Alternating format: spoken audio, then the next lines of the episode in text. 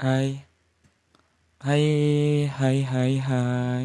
Hai hai yo yo hai guys. Kembali lagi di podcast uh, Terinspirasi Termotivasi. Wah, Norak. Norak Goblok. Norak. Saya tidak akan opening seperti itu. Itu tadi hanya bohongan.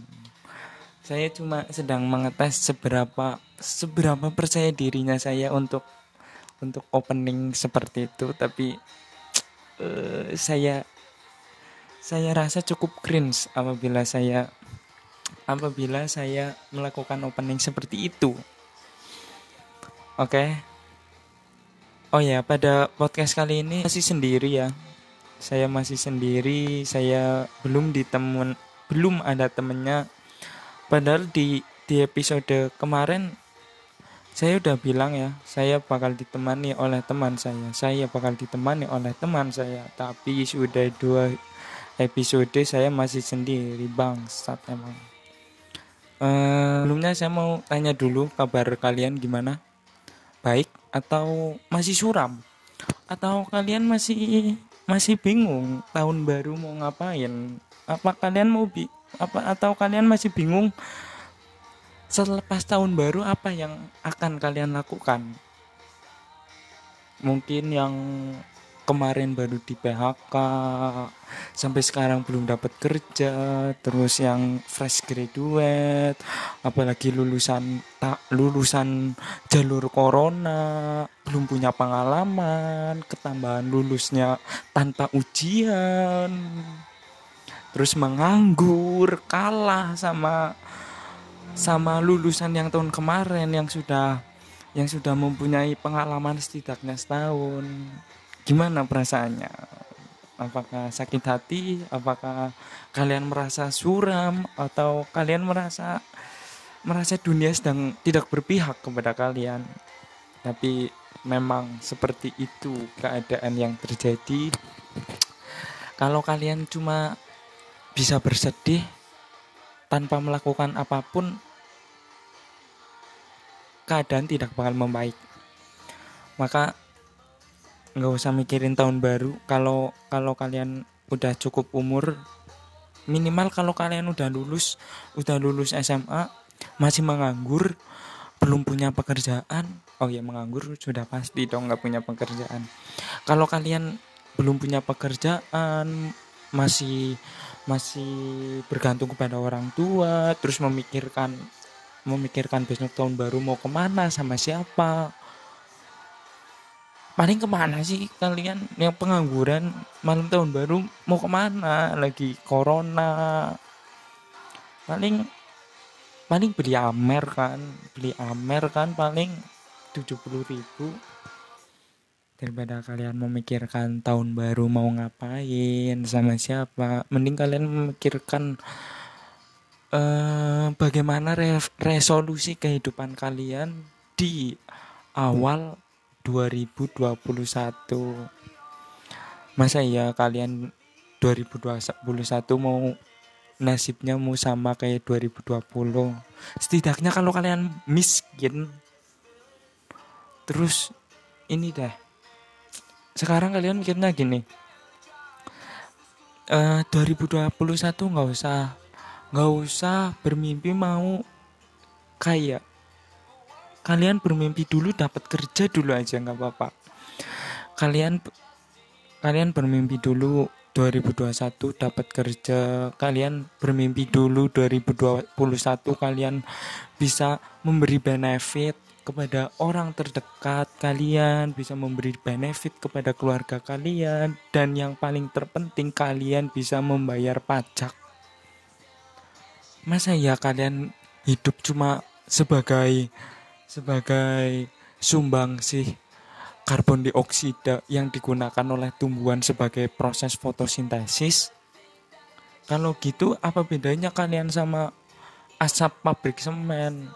Asap pabrik semen juga sebagai penyumbang uh, penyumbang karbon dioksida yang dilakukan oleh tumbuhan sebagai sebagai proses fotosintesis. Masa kalian mau sih disamain sama sama asap asap pabrik semen?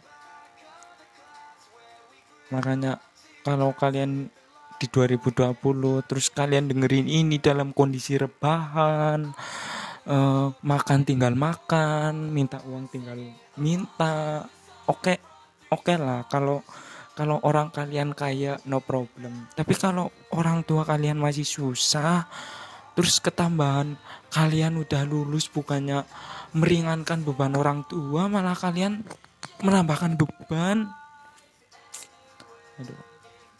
Mending kalian cepet-cepet beranjak dari zona nyaman uh, nanti takutnya di usia tua kalian cuma bisa menyesal oke okay? bentar saya sempat dulu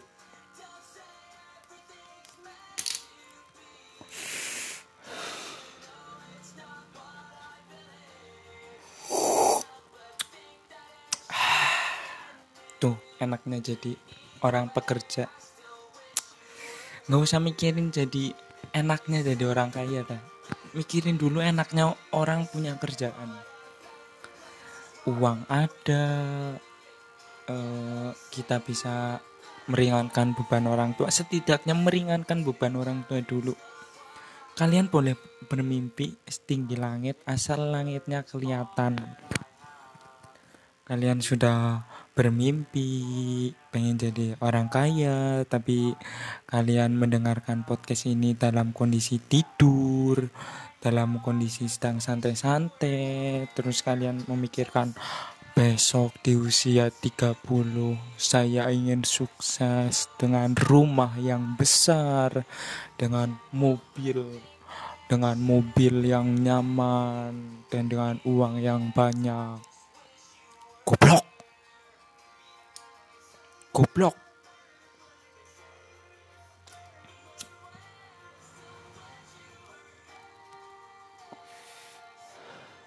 Kalian aja sekarang masih tidur tiduran masih santai-santai. Kok bisa kepikiran mau kaya? Mending kalian 2021 cepet-cepet.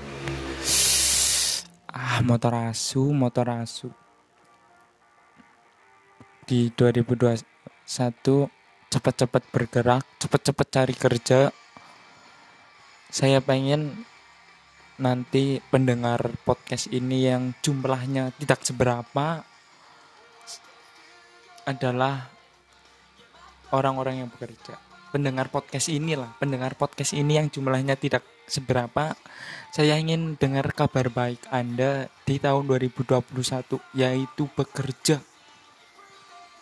Oke. Okay? Udah nggak ada alasan 2021 corona corona nggak nggak ada. Nggak ada. Ingat kan pesan dokter Tirta kerja makan pakai masker kerja makan pakai masker kerja makan pakai masker bukan tidur makan pakai masker tidur makan pakai masker kalau tidur makan kalau kalian cuma tidur makan pakai masker tidur makan pakai masker mending mati mending mati.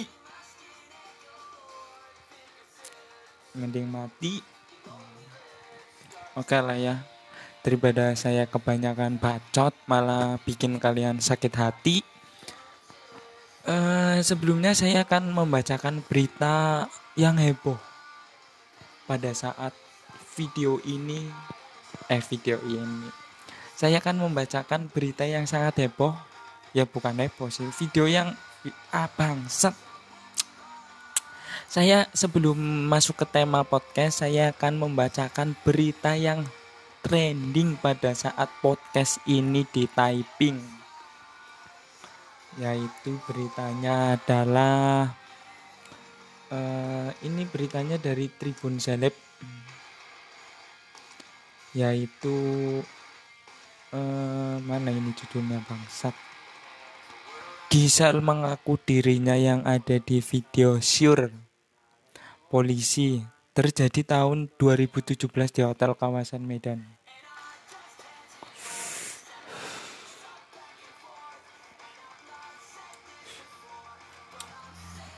artis Gisel Anastasia ditetapkan sebagai tersangka atas kasus video syur yang sempat viral di sosial media. Seperti diketahui, status tersangka tersebut dikatakan oleh Kabit Human Humas Polda Metro Jaya, Kombes Pol Yunus kepada wartawan Selasa 29 Desember 2020. Sebelumnya pihak mengatakan hasil pemeriksaan oleh tim forensik sudah keluar dan kemudian dilakukan pengembangan oleh tim penyidik terhadap Gisel dan rekan prianya yang berinisial MYD yang ada di dalam video. Beberapa alat-alat beberapa alat-alat bukti yang lain termasuk bukti-bukti petunjuk hasil keterangan saksi saksi ahli yang ada juga sudah. Ungkapnya dilansir dari laman YouTube Giha Infotainment Giha apa anjir Selasa 29 Desember 2020 Yusri mengatakan status tersangka terhadap Gisal diperkuat dengan adanya pengakuan dari Gisal sendiri dan rekan prianya juga diperkuat dengan hasil pemeriksaan oleh tim ahli forensik dan tim ahli IT. Saudara GA dan MYD mengakui di mana pemeran dalam video yang beredar di media sosial adalah dirinya sendiri ujarnya. Dia mengakui dan hal tersebut terjadi tahun 2017 yang lalu di salah satu hotel di Medan, lanjutnya. Yusri pun mengatakan adanya hal tersebut, Gisal dan MYD pun secepatnya akan dipanggil untuk diperiksa sebagai tersangka. Sementara untuk Ancaman hukuman Yusri menyebut paling rendah kurungan selama 6 bulan dan paling lama 12 tahun. What the fuck? Gak masuk akal. Kenapa yang kenapa yang di penjara? Gisel bangsat.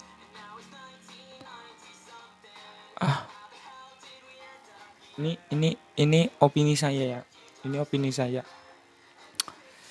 Menurut saya yang harus di bentar saya ngerokok menurut saya yang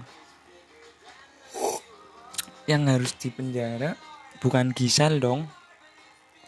Tapi yang yang nyebarin yang nyebarin videonya karena apa salahnya sih video waktu waktu lagi ngewek? Nggak ada yang salah kan? Tapi kenapa yang kenapa yang kenapa yang yang yang ditahan yang di di penjara kenapa Gisel bukan yang bukan yang nyebarin videonya. Kalau saya pribadi nggak setuju dengan substansi hukumannya. Seharusnya yang dihukum pihak pembobol privasi yang mencuri dan menyebarkan informasi privat orang lain tanpa izin dong. Bukan pihak yang privasinya dibobol.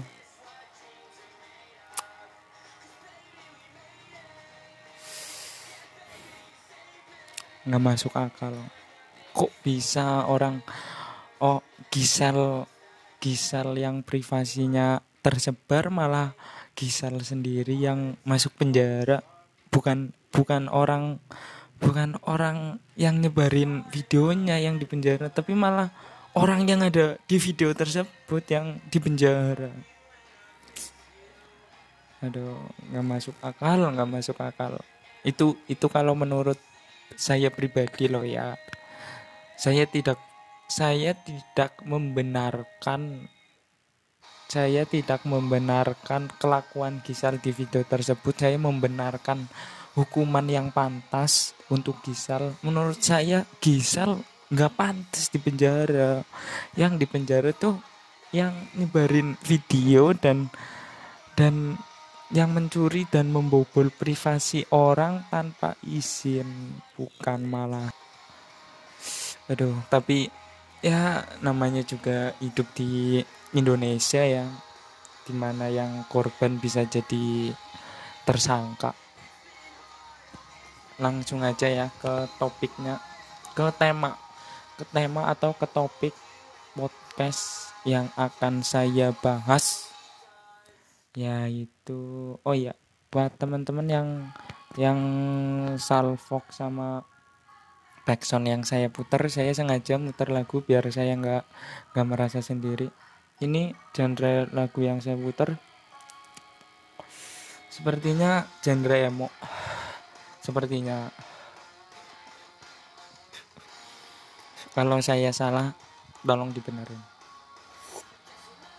Oke langsung masuk ke tema. Tema pa, pa, tema podcast pada episode kali ini adalah mendoakan orang panjang umur harus pilih-pilih. Ini ini menurut point of view saya, point of view saya ya.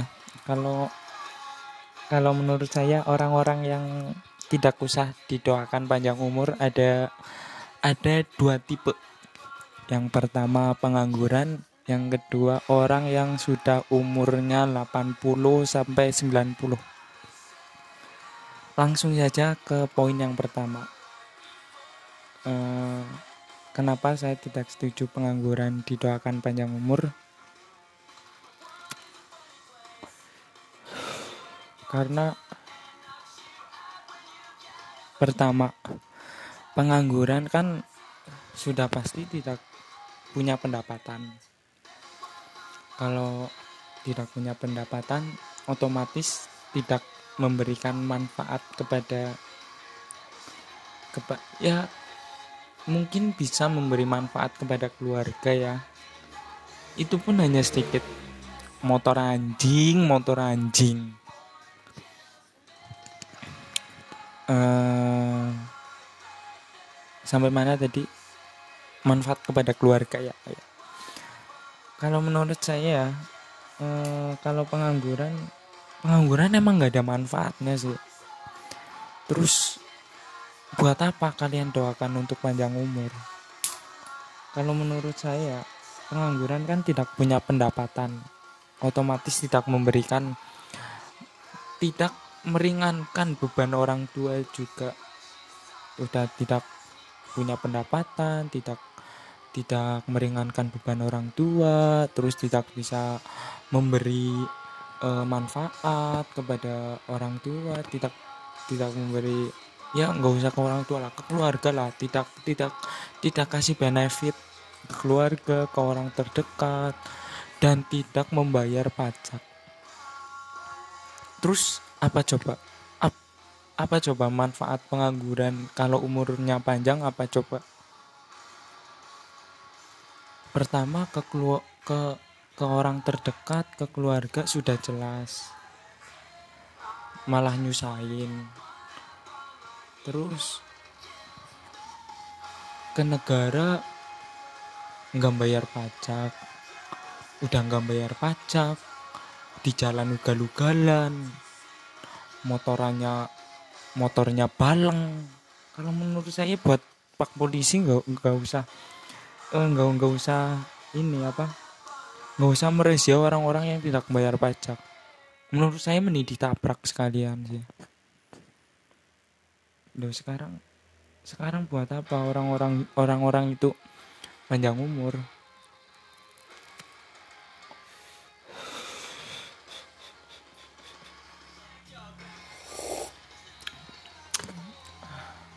Maling bok maling kan maling bok uh, maaf ya kalau saya ngomongnya bercampur pakai bahasa ngapak karena saya kan berasal dari Purwokerto ya Purwokerto Banyumas. Jadi ada ada sedikit lokat-lokat ngapaknya. Oke kenapa saya tidak? Aduh berisik banget sih bajingan bajingan. Kalian tahu uh, manfaat manfaat pengangguran. Kalau menurut saya cuma satu manfaat pengangguran. Sebagai penghasil karbon dioksida yang dimanfaatkan oleh tumbuhan sebagai proses fotosintesis. Tapi ada penelitian terbaru penghasil karbon dioksida yang dimanfaatkan oleh tumbuhan sebagai proses fotosintesis bukan cuma berasal dari manusia penelitian terbaru ya. Ini penelitian terbaru yaitu berasal dari asap asap pabrik semen. Masa ya manfaat kalian manfaat pengangguran cuma sebatas sebatas penghasil karbon dioksida. Masa ya manfaat kalian cuma cum manfaat kalian setara sama asap asap as setara sama asap pabrik semen. Kalau solusinya buat saya solusinya bagi saya ya. Jangan didoain panjang umur tapi didoain biar orang ini bermanfaat. Didoain orang ini agar panjang umur eh panjang umur. Didoain orang ini agar agar dapat pekerjaan. Kalau enggak apalagi pas orang ini ulang tahun ya udah bertambahnya umur terus tidak bertambahnya juga pola pikir masih menganggur. Nggak usah didoain panjang umur tapi ajak dia ke acara job fair. Kalau enggak kirim kirim iklan lowongan kerja yang banyak itu solusi bagi saya. Yang kedua adalah orang yang sudah umur 80 tahun. Orang kalau sudah umur 80 tahun udah dong nggak usah nggak usah didoain agar agar lebih panjang umur lagi. Karena menurut saya kasihan loh. Kalau orang hidup sampai umur 80 sampai umur 90 bisa kebayang nggak? Sekarang aja yang umur 30 umur 40 udah banyak loh yang kena penyakit asam urat kolesterol diabetes gula uh, terus ini apa darah tinggi. Kebayang nggak kalau orang-orang itu hidup sampai umur 80 sampai umur 90 betapa banyaknya penyakit yang ada yang ada di dalam tubuhnya umur panjang di umur panjang tidak membuat mereka menjadi bahagia tapi membuat mereka menjadi semakin sengsara udah darah tinggi, kolesterol, asam urat, diabetes, ketambahan dengan perubahan zaman, kaget. Loh kok sekarang zamannya seperti ini? Dulu nggak seperti ini loh, kok sekarang kayak gini? Dulu nggak seperti ini. Ah anda saja yang hidupnya terlalu panjang. Lah kadang orang-orang yang yang udah kayak gini tuh menyalahkan zaman sekarang. Menyalahkan kayak loh kok sekarang banyak remaja pada pacaran sih? Padahal zaman saya dulu pegangan tangan aja hamil itu referensi Anda 50 tahun yang lalu bangsat. Nah itu. Itu makanya kalau orang yang udah umur 80 umur 90 nggak usah didoain panjang umur tapi didoain biar husnul khotimah. Biar husnul khotimah. Kasihan kasihan kalau menurut saya kasihan orang yang yang umurnya terlalu panjang kasihan terlepas dari banyaknya penyakit yang udah ada di dalam tubuhnya mereka takutnya mereka kaget dengan perubahan zaman yang ekstrim pada zaman ini. Makanya kalau kalau umurnya udah 80 udah 90 nggak usah didoain panjang umur tapi didoain aja biar husnul khotimah biar husnul terus biar matinya dipermudah tidak dipersulit.